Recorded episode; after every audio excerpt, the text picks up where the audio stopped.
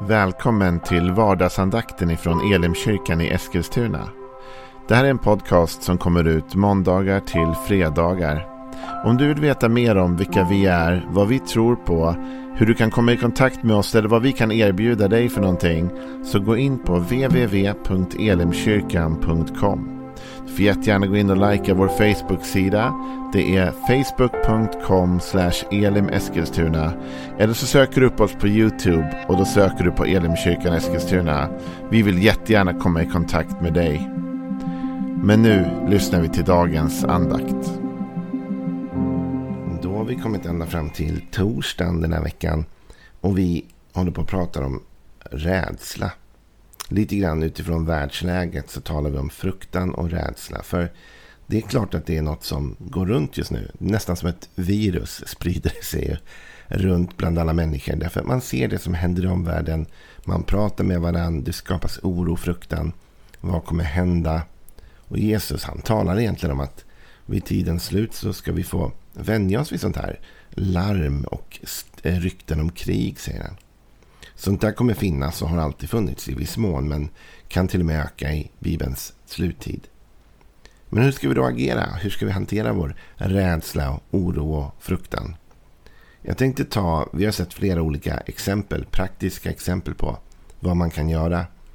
Och en, idag vill jag ge två råd utifrån Jesu text. Eh, och det är ett sammanhang som inte alls egentligen handlar om krig eller orostider på det sättet. Men det handlar om att Jesus har en vän som heter Lazarus. Och Lazarus, han blir allvarligt sjuk hastigt.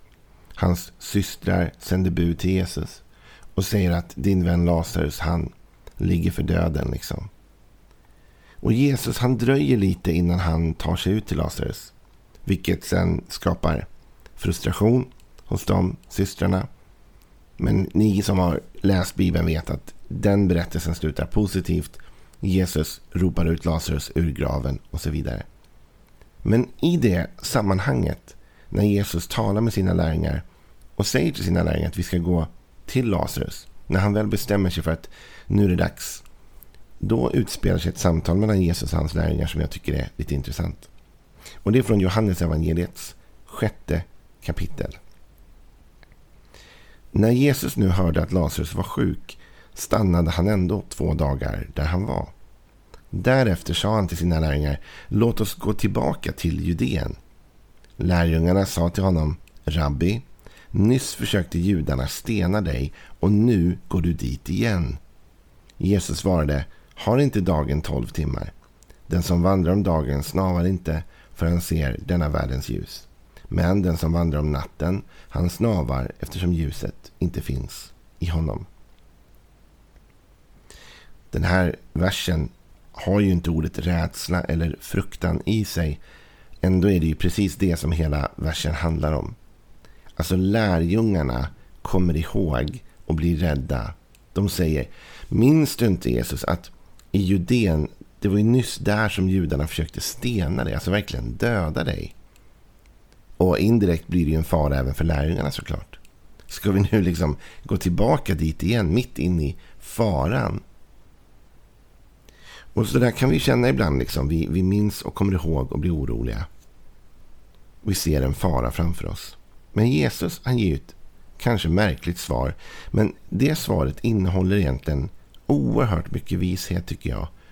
Om kanske hur vi kan förhålla oss till rädsla. Och vad som kan avhjälpa rädslan. Hur kommer det sig att Jesus vågar gå tillbaka? Nu är det så här. Jag talade med Eh, min, min far häromdagen. Vi pratade ofta teologi och tro. Eh, då pratade vi om mod. Och vi pratade om att mod är ju inte att inte vara rädd. Utan modig är ju den som gör någonting trots att man är rädd. Alltså jag kan känna oro, jag kan känna fruktan, men i alla fall så gör jag någonting. Det är egentligen inte modigt att göra något som man inte är rädd för eller man inte känner oro inför. Så det är egentligen oväsentligt om Jesus kände rädsla eller inte i det här fallet. Det finns ju inget i den här texten som inte säger att Jesus på ett sätt inte mindes det som hade hänt. Eller inte kände någon oro. Men han gör det i alla fall. Han har ett uppdrag. Han ska till Lazarus. Han visar mod. Men vad hjälper Jesus till det här modet? Det kan man ju undra. Och då tänker jag att det finns lite svar på det i det Jesus säger. Det första Jesus säger är Har inte dagen tolv timmar? Den här texten, det är en liten kort eh, mening. Men vad viktig den är. Har inte dagen tolv timmar? Du vet, det som händer här, det är att Jesu lärjungar minns det som var. De kommer ihåg det som hände häromdagen. Liksom. Och det skapar rädsla hos dem. Därför de minns att sist vi var i Judeen, då var det fientligt område. Och då kände vi oss rädda. Och då höll du nästan på och bli dödad Jesus. Det här är det som växer upp i lärjungarna när Jesus talar om att de ska gå tillbaka till Judeen. Så de lever i den oron. Och vad som ofta då händer är att då projicerar vi det på nu, eller hur? Så vi tänker att jag minns det som hände igår när jag var i ett visst område. Så nu tänker jag att om jag går tillbaka dit, då kommer det hända igen.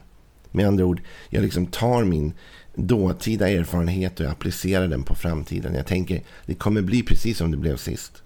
Och visst är det så att ibland så är historien en god liksom, eh, eh vägvisare för framtiden. Va? Och mycket av det som har hänt förut tenderar att hända igen. Men Jesus säger ändå, har inte dagen tolv timmar? Och någonstans indikerar Jesus svar, det behöver inte vara samma nu. Det har gått tid. Det är inte samma tidpunkt, kanske inte samma plats, kanske inte samma människor. Har du någon gång varit med om att oroa dig för någonting väldigt mycket bara för att komma till ett möte eller en plats eller vad det var du oroade dig för och inse att det var inte alls så som du hade byggt upp i ditt huvud. Utan du hade målat upp en verklighet i ditt huvud som sen inte visade sig alls bli av. Och det är ofta det vi gör. Och Jesus säger, har inte dagen tolv timmar? Med andra ord, hörni, kom ihåg att det var då nu är nu. Saker förändras. Människor förändras. Och faktum är att det förändrades. För när vi läser den här berättelsen nu i efterhand så ser vi att de oroade sig för judarna som hade velat stena Jesus. Men ingenstans i resten av den här berättelsen så läser vi om att de mötte det motståndet. Alltså Jesus tar sig utan problem fram till Lazarus. Och Jesus hade därmed rätt. Det är inte den faran nu. Jag är inte orolig för det nu. Så Jesus är trygg med det. Vet du, du och jag, vi får inte bära med oss bara all rädsla från det som har varit.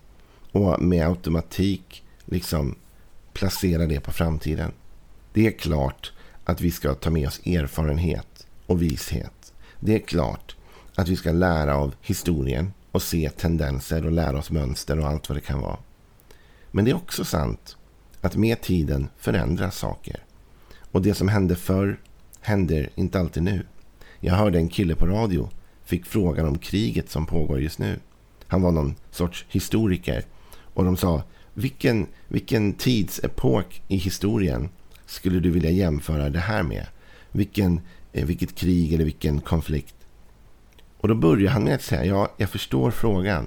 Men ändå måste jag säga att det går inte att jämföra. För varje, varje sån här strid, varje krig är unik. För det ligger i sin egen tid.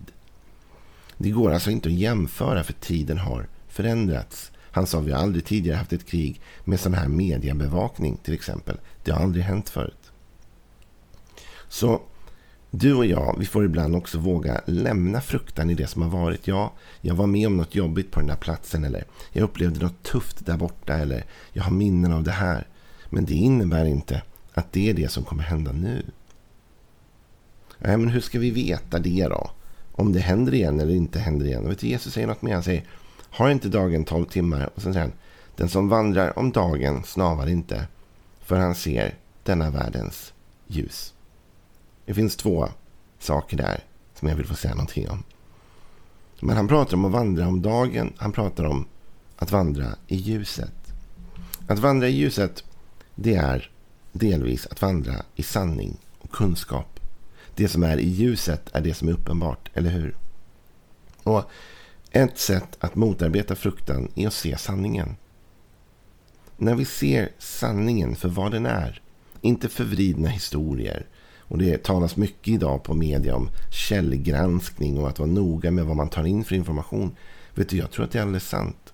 För Jesus talar om att den som ser ljuset, som ser det som är, som ser sanningen. Den personen snavar inte. Så du och jag, vi behöver lära oss att ha god kunskap. Att samla information och samla information som går att lita på. Hitta trovärdiga kanaler att ta in ifrån. Att inte dras med i en massa konspirationsteorier och annat trams som ofta bara göder faktiskt rädsla och fruktan. Utan lyssna till sanningen. Så väl som den kan presenteras av den som den presenteras av. Såklart. Alltid med ett visst mått av fundering och ifrågasättande från vårt håll. Men att våga se saker, studera, efterforska, ta reda på, sök kunskap. Ju mer kunskap vi har, ju mer vi lever i ljuset, ju mer ser vi tydligt, ju mer håller vi förmågan att inte snava och ju mer rädsla försvinner ur vårt liv. Rädslan försvinner ofta ändå när vi ser sanningen. Det är klart, i viss mån kan den öka också när vi ser vissa saker och vi förstår hur saker funkar. Men för det mesta så lever fruktan och rädsla i vår fantasi. Den lever väldigt starkt där, för det är där vi målar upp alla orosscenarion och allt som kommer hända, allt som kommer ske.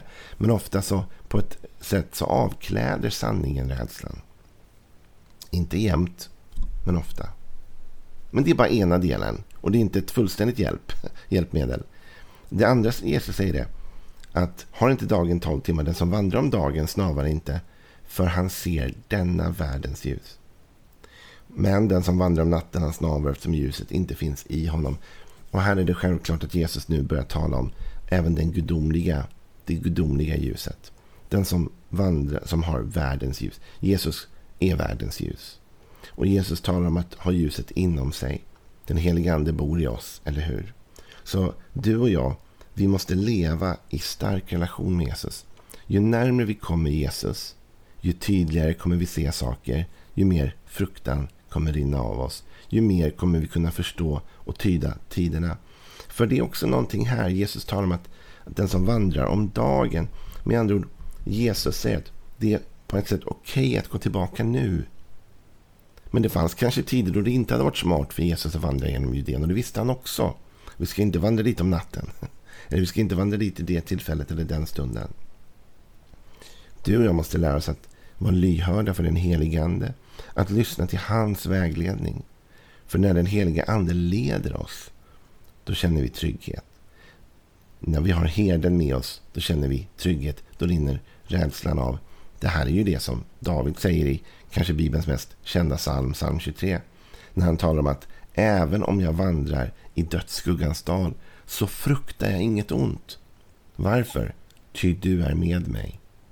Alltså David säger, även om jag vandrar i dödsskuggans dal så vandrar jag med världens ljus. Och världens ljus tar bort fruktan.